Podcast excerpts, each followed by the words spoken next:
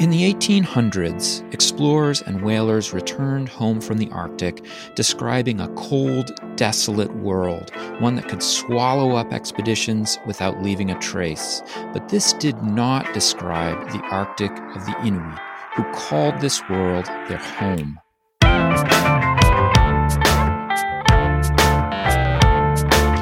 It's time to eat the dogs. I'm Michael Robinson. Today, Karen Routledge tells the story of Baffin Island's Inuit community as they came into contact with Western whalers and explorers in the 19th century. Routledge is a historian for Parks Canada. She works and travels in the parks of Nunavut. Her new book, Do You See Ice? Inuit and Americans at Home and Away, has just been published by University of Chicago Press. Karen Routledge, thank you so much for talking to me today.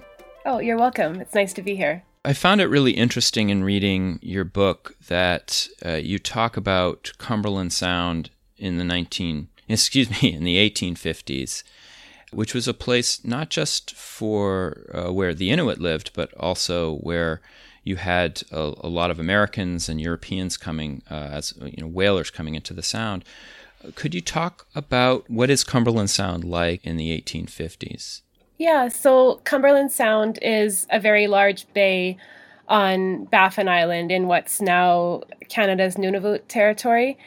And um, it is a really beautiful place, first of all. I mean, it's um, it's part of the Canadian Shield, so it's got very rocky, rocky outcrops, very large mountains to the the north of the Sound that are um, part of Auyuittuq National Park today, and it's just an incredibly rich um, area for wildlife. So there's in in the 19th century and today, it was home to animals like bowhead whales, um, different kinds of seals, Arctic char, beluga whales, um, and then uh, lots of smaller animals and land animals like caribou. Animals like polar bears.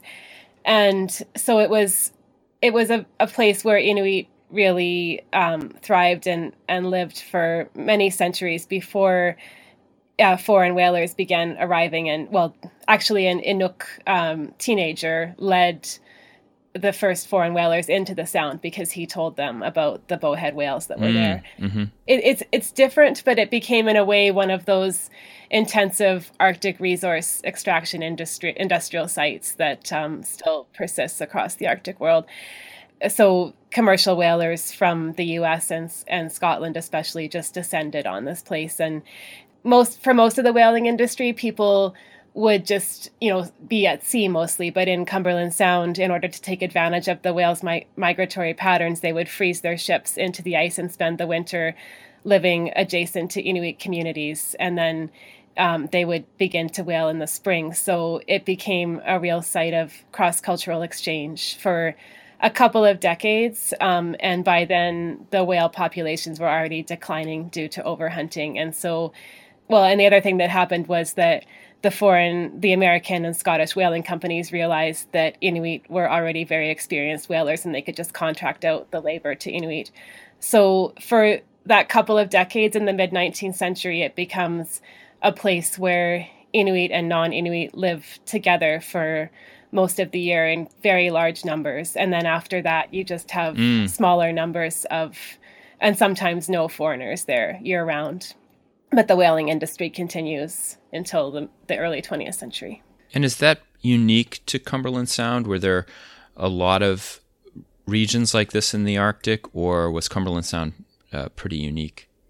Um, Cumberland Sound was very intensive, but there were also whalers who um, froze their ships in in Hudson Bay and up uh, on off the north coast of Yukon and Alaska as mm-hmm. well. And the Inuit who lived in Cumberland Sound, the the way they lived was so different from the whalers that came in and overwintered. Can you talk a little about the different ways that they lived? Yeah, so the Inuit they had been living well, there were people who migrated in to work with the whalers, but they had been living in that climate for, you know, since beyond living memory. So they they it was really their their home and they were very comfortable there. Um, they had developed very specialized technologies to um, to both stay warm in the very cold weather. So they had uh, caribou skin clothing in the winter, and um, and sealskin clothing in the summer usually. And uh, the way that they were able to sew these things made them quite um, airtight and waterproof. And then they also had, you know, they, they had uh, dwellings that were very well insulated and small that they could heat them properly with usually seal or whale oil. And so they they lived for them this place was home. It was very comfortable. It was a beautiful beautiful land.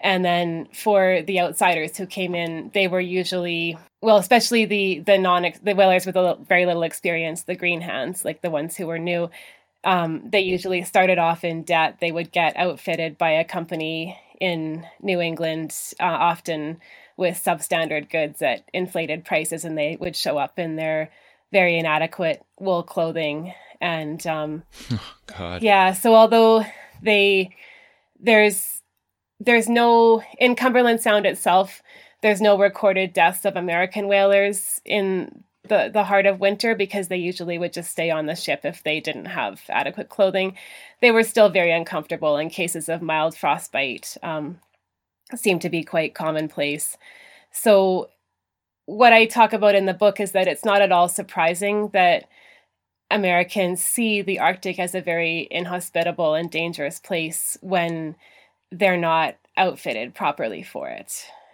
Yeah. And also they're just I mean, they're a lot of them are away from home for the first time. They're very lonely, so they see that kind of landscape as I think as reflecting how they feel inside. Um, whereas Inuit don't see it as a desolate place at all. One of the things that I found most interesting about your book was this idea of home and how these whalers that you were just describing desperately trying to find some parallel to home, the home that they know, whereas the the Inuit have such a different sense of I don't even know if you could call it domestic space, but could you could you talk a little bit about what home meant for these two communities? Yeah, so I mean first of all I should say home is an incredibly complicated concept in in both languages. I mean, I think I I think the Oxford English Dictionary definition of home runs it might be over a hundred thousand words. It's it's fair no, it's not that long. Thirty thousand words maybe. I can never know exactly in all the complexity how people in the 19th century felt about home, but the records do give us enough to be able to know something. Sure. So for Americans, the 19th century is a time when the concept of home is changing quite a lot. Mm-hmm. I mean, first of all, as I say in the book, the the term home and homeland it's quite a political term. I mean, Americans are very actively dispossessing indigenous people in this period, and some of the people that I write about in the book are actively involved in Indian wars in the West before they go north. So, and I think that all that movement that's going on among the white population in the US at that time is really bringing ideas of home and homesickness to the fore. So, first of all, you have this I well, I here I'm drawing a lot on Susan Matt's book on called Homesickness, and she talks about how in the 19th century, middle-class white American men in particular were encouraged to just have no to give up their mm-hmm. home ties and move around in the name of progress and in a sense that does serve to decouple the connection to home to place, but it also results in a very homesick population and people who are thinking a lot about home. Would you say that they tend to idealize that domestic space because they're moving around so much? Yeah, and the other thing that happens in the 19th century is that the the middle class notion of home becomes much smaller. It becomes much more focused on the single family dwelling um, with the the husband wife and children inside and in part i think that's because you can recreate that space more easily if you're moving around but also it um it yeah people become very driven to achieve that ideal and um they become more determined to you know go away and make their fortune doing things well very few whalers make a fortune but they go away determined to make kind of money that they can come home and buy land or buy a house. whereas for Inuit, shelter is always a part of home, uh, people's feelings of home. But um, Inuit were they had this like they would move around, but not outsiders often thought they just moved around without like they were just um, they had no home in the sense they could just set up anywhere. But mm-hmm. in Cumberland Sound, Inuit moved very deliberately according to the seasons, and they returned to the same sites year after year generally. So they had this kind of, in my understanding, they had this kind of network of home places that were quite permanent for them, um, and their concept of uh, of home in terms of family would have extended much like very far beyond the nuclear family. And one meaning of home that I talk about in the book that I don't think has any equivalent in English relates to Inuit names. So for Inuit, um, names are passed on from generation to generation, but not in the same sense that they sometimes are in English communities where like a son will be named after his father. Um, here, names are considered to have, um, or sorry, na- names have personality attributes and other characteristics attached to them. So, in a sense, when a baby has the name of a recently deceased elder, that person has, in a partial sense, returned.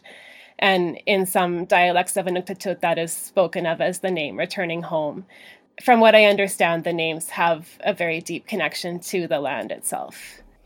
I was struck by the different descriptions that you give of the same landscape by uh, Inuit and outsiders, the Qallunaat who who were there, and how, in the case of uh, these these whalers who would view the Cumberland Sound as such a desolate and uh, dark place, uh, the the Inuit seem to know, like they almost seem to treat landscape features as as part of home. Is, am I reading that correctly? Yeah, and I think I think one of the things that really struck me when I was starting to research this book was how for the whalers once they their ships get frozen in, they really feel cut off and they are cut off. I mean, they come from a society that's very much becoming used to having regular mail contact year round, even with people who live far away. And once the ice freezes, they have no way for their letters to reach their families. They, I mean, this is a time when you really, when you leave for a year, you really don't know if your family members are going to survive because of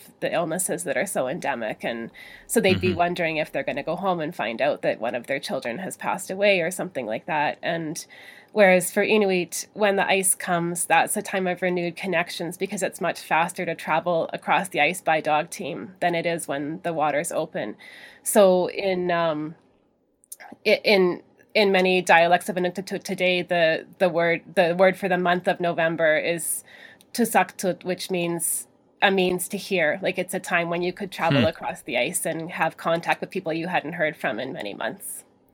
That's so interesting uh, that they would view it uh, in such in such different ways. Um, you also uh, talk a lot specifically about uh, one interaction between Charles Hall, the American Arctic explorer, and two Inuit uh, family members, uh, Joe and well, who, whom he names Joe and yeah. Hannah. could you talk about their story? Yeah. Um, so I, I don't think he named them Joe and Hannah. They would have adopted those names earlier from whalers. This couple was known. So a word I use a lot in the book is kadlunat, which means outsider, um, or sorry, it means non-Inuit person and also not a First Nations person. Mm-hmm. So uh, kadlunat, so non-Inuit, referred to this couple most often as Joe and Hannah. Those were names they probably would have adopted because they grew up around whalers in Cumberland Sound. Um, and then their Inuktitut names have been said in English as Ebierbing and Tookoolito and many other variations thereof. Um, I don't, in the book, I use the name Hannah because I don't know what her Inuktitut name actually was. It doesn't seem to have been passed on because she died in the United States. Um, her husband's name is still alive in the North and it's Ipirvik. So I look at, at that couple and they're in every book about Charles Francis Hall, and they're possibly the most famous Inuit couple in the South of their generation because they survived that incredible six month drift on the ice floe as part of the Polaris expedition when they and half the crew became separated from their ship and drifted south um, from the north coast of Greenland down to Labrador and were rescued by a sealing ship, I believe. But I wanted to look at what was their time in the United States like because that's has generally with some exceptions that hasn't been a focus. And I also wanted to consider questions like how we can't ever know for sure but to what extent did they actually want to travel with Charles Francis Hall? And um, what what kind of factors I mean th- there's no question that the US ended up being a very dangerous place for them because Hannah and two of her children died there. And so I wanted to look at what factors made it difficult for Inuit to survive in the US, just as there were many factors that made it difficult for Americans to feel at home in the Arctic. So I look at what their lives were like there and how how they were often put in positions where they had to perform their Inuit identity to entertain others. So they were constantly being scrutinized and judged by outsiders. Um, and I look at how Americans often thought, oh, they must like to travel around because they're Inuit, but the way they traveled in the US was to them much, uh, well, it, it was much more intensive and I think haphazard than it would have been in Cumberland Sound. They were just going all over the place giving lectures. They weren't, um, you know, returning to familiar places over and over again.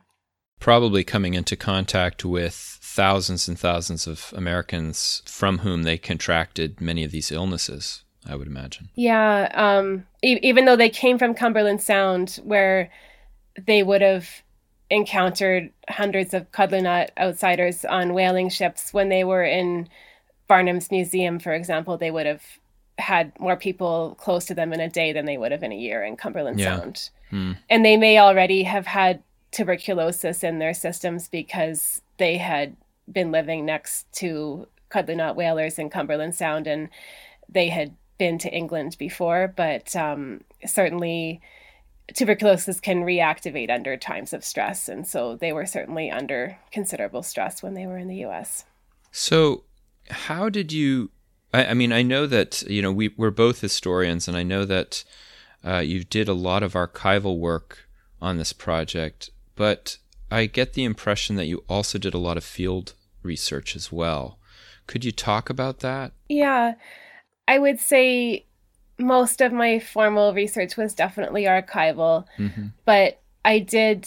I was lucky when I was a graduate student. I had the opportunity to go for several summers to Pangnirtung, which is um, the main community in Cumberland Sound. In in the 1960s, the Canadian government centralized Inuit into permanent communities. So people that used to live all around Cumberland Sound now live in this one community.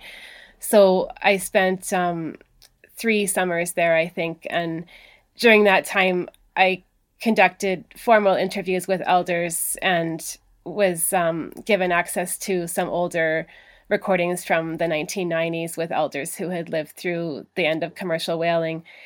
But a lot of what I learned there was informal. It was just seeing, you know, going out on the land with Inuit and just seeing it as a really beautiful and life sustaining place. Mm-hmm. And that made me think a lot more about what is missing in these 19th century accounts. What what do we not see in these? So one thing that struck me was I mean, when you read 19th century American accounts, this is a time when these stereotypes of the Arctic as a very desolate place are really coming to the fore, especially after the disappearance of John Franklin and his crew. So you read over and over again adjectives like icy, desolate, barren, and one way that Inuit today describe their land in this area of Cumberland Sound is Nunatiavak, which means beautiful land. And it's um, uh, so according to the Inuk translator Andrew Dialla, it, it's not just it, it means good land or beautiful land. People apply it to places that have access to animals and a, a good level place for tents or homes and mm. usually a good harbor. So it's all about these specific familiar life sustaining places that are linked together by travel routes and it's such a different view of the land than what I was getting from the 19th century whaling accounts that it made me want to think more about how those two ideas do and don't fit together and what consequences they've had for how outsiders have dealt with Inuit. Do the residents of Cumberland Sound share a lot of similar attitudes to the people you study in the 1850s, or has the culture? I, I can I would imagine that culture has changed dramatically for the Inuit of Cumberland Sound. I I will never know for sure. Certainly the culture has changed dramatically. There's no there's no question about that because right. people have been centralized in these permanent communities where they live year round and they have generally speaking fewer opportunities to get out on the land um, after most of them lost their dog teams in large part because they were shot by police. And so that that made what had been you know what people might have seen it as a oh yeah we'll go into town and we'll try it out. And then once you lose your dog team then you can't um, you don't have the option of returning to the land because you now need to have money to buy gas and a snowmobile if you want to go hunting and the only way to get that is in town. And i and also something else that was quite devastating was the um, the greenpeace and other um, animal rights groups campaigns against the seal hunt because that used to be a viable way for people to sell seal pelts that they, when they were eating the meat um, and sell the pelts to get money to go hunting and that the bottom fell out of that market. So that was another another thing that made it much more difficult for people to get out on the land as much. So the, the culture has changed but when i spoke with elders i mean they they don't obviously they don't dismiss or discount these changes. I mean they've been very sweeping and in many cases devastating but at the same time they really stress the continuities as well. And so for example i mean when i when i went there i was thinking oh commercial you know after commercial whaling they didn't hunt bowheads for most of these people's lives and because they, they weren't allowed they didn't hunt bowhead whales pretty much with very few exceptions from the 1920s through to the 1990s and the way that i felt that elders were talking about it to me was this was just a a blip in a much longer history. I mean, they would talk about how uh-huh. they were bowhead whalers from kayaks before the foreign whalers came, and then when the commercial whalers came, they worked for them. And then there was this period which stretched almost their entire life when they couldn't hunt whales, but now Inuit are whalers again. Huh. I was thinking this is uh, exactly what you talk about in your book this very different uh, sense of time between the outsider community and the Inuit community that it sounds like some of that is still there. I, I feel uncomfortable making a lot of claims Too about much of a generalization. Yeah, because I, I wouldn't want to say for sure how Inuit think about time because obviously that can vary between people. But sure, yeah. I, I do think that the sense I mean, for the the big thing that I notice in the book that really stands out is that with um, with very, very few exceptions, the Americans who are coming to Cumberland Sound to whale are coming to make a better life for themselves back home in the US. They don't consider Cumberland Sound home. Whereas for the Inuit, Cumberland Sound has been, is, and always will be their home. And so they they think about that makes them think about the land in a very different way as well and their relationships with it. After you completed your manuscript, you started working as a historian for Parks Canada, and now you travel pretty extensively in the North.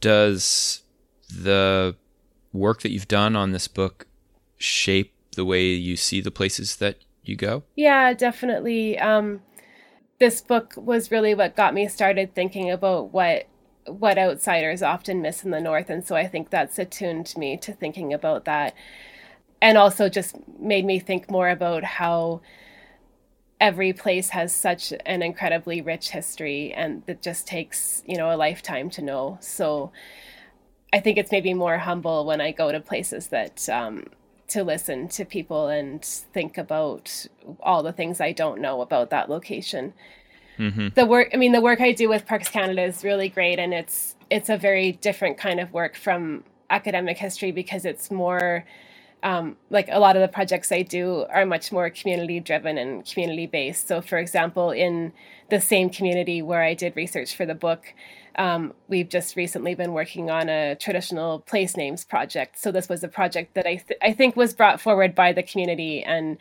they said, We really, you know, why do we only have English names on our map of the national park that's near our community? Why, why should we not have our names? And yeah. for Parks Canada, we wanted to use Inuktitut names on in when we meet with visitors, but we didn't have a complete or correct map because you know as when outsiders write down names, they often mishear them and things like that. So we met over the course of several workshops over a couple of years with um, these these advisory groups that we work with in the communities that have representatives from elders, hunters, and trappers associations and youth. And we sat down with the map and and added names to it and we you know based on their recommendations we met we met with several other people in the community that would be knowledgeable of a certain area. And then we came back and through consensus worked through all the names on the map and came up with a, a map that we're happy with and that we're going to take forward to the cooperative management board. So it was a very different kind of project and really rewarding for me just to see mm-hmm. um, the kind of discussions that go on and the depths of knowledge that exist about each place on that map. It's it's uh it must be satisfying as a 19th century historian to be able to actually work with living people, living sources, new kinds of research that aren't you know in the basement of a an old library but are actually out in the community yeah and it's interesting because there was another i mean obviously knowledge evolves and changes too. But there was um, Franz Boas did his first field work in Cumberland Sound, and he produced this quite amazing map with uh, like Inuktitut place names on it.